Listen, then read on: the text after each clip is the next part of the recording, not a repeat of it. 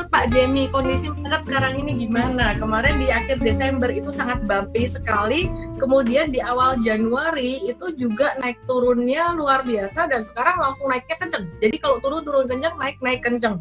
Nah ini Pak Jemi ngelihatnya gimana 2021 uh, secara general dan juga di Januari ini? Ya um, gini sebenarnya buat saya kan kita sebelum terutama aset manajemen ya karena kita kan investasinya bisa untuk long term ya jadi um, bukan trading uh, saham beli jual hampir tiap hari mingguan tapi lebih pada kira-kira tahun ini apa aset kelasnya akan perform uh, Indonesia karena kita kebanyakan di 99% investasi kita di Indonesia. Uh, gimana tren market di Indonesia? Apakah bond saham atau uh, kita money market aja? Uh, jadi kita harus pilih aset kelas yang paling oke okay untuk uh, setiap tahun. Tapi juga apakah market akan bullish Indonesia, maksudnya global investor akan balik ke Indonesia. Nah, saya pikir timing yang paling tepat saat ini adalah uh, tahun 2021. Kita bicara untuk global investor ya. Karena jujur saya sudah menunggu mungkin um, dari 2011 ya untuk investor asing balik lagi ke Indonesia. Karena kenapa? Uh, saya bilang 2011 karena terakhir kali uh, sampai 2013 itu mulai ada kompetisi gila-gilaan itu dari 2009 sampai dengan 2011 itulah hmm. uh, uh, dimulainya yang namanya uh, super cycle commodity. Nah balik lagi kenapa komoditi sangat diuntungkan, uh, sorry sangat uh, bagus buat Indonesia karena bisa dibilang uh, kita masih ada salah satu negara yang sangat bergantung dengan komoditi raw material. Walaupun memang uh, saya sangat uh, bersyukur pemerintah sekarang mau mulai masuk ke hilir ya. Uh, contoh Antam uh, bukan cuma gali nikel doang, tapi akan mulai kerjasama bikin baterai mudah-mudahan itu bisa langsung jadi uh, eh, EV electric vehicle untuk untuk diproduksi di Indonesia. Jadi kita bisa jadi penghasil juga ekspor dari uh, bahan baku jadi uh, uh, bahan yang jadi. Jadi itu yang membuat kita uh, mudah-mudahan akan jadi negara salah satu yang paling besar di dunia.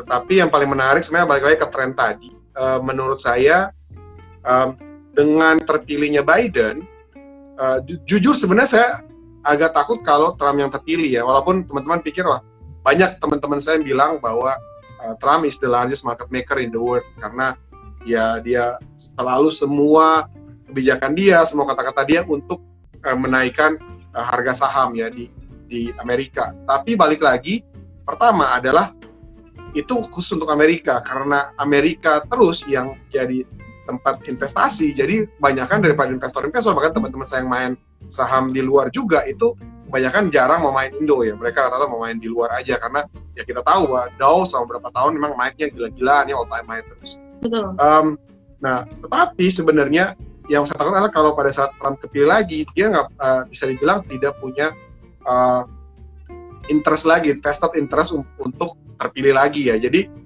yang ada mungkin dia mulai abandon capital market ya uh, dengan uh, pokoknya intinya buat dia adalah bagaimana caranya untuk saya membuat Amerika sebagus-bagusnya. Karena buat dia uh, mungkin udah bubble jadi ya mungkin dia baik baik fundamental dan lain-lain. Nah, dengan Demokrat terpilih lagi, saya pikir ini membuat menjadi cukup panjang. Karena pemerintah yang baru tidak mau disalahkan misalkan jadi crash di, di harga saham ya. Dan kebetulan untuk membuat kelihatan bahwa pemerintah yang baru membuat eh, GDP naik banyak, tentu saja mereka harus menggelontorkan uh, stimulus sebesar-besarnya. Dan ini yang membuat dengan ada stimulus itu dan ada quantitative easing yang uh, bisa dibilang itu cetak duit, jadi uh, flash ya liquidity di dunia ini akan membuat harga komoditi aset kelas akan naik ya. Ini mulai terlihat di mana yield daripada bonds Amerika itu mulai naik. Dia membuat kenapa pada saat yield bonds Amerika mulai naik, harga uh, SBN kita dari semua uh, bonds kita juga turun dan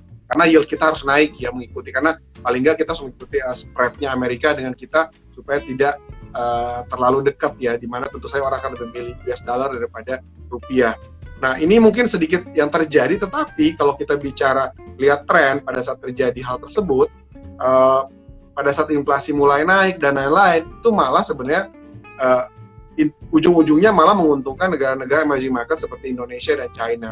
Kalau kita lihat saat ini begitu banyak fund baru yang dibuat uh, dengan uh, judul Greater China Fund. Dalam artian uh, orang tahu bahwa fund flow di global saat ini akan balik ke emerging market dan pilihannya mungkin uh, untuk size uh, bursa saham yang besar itu adalah di China.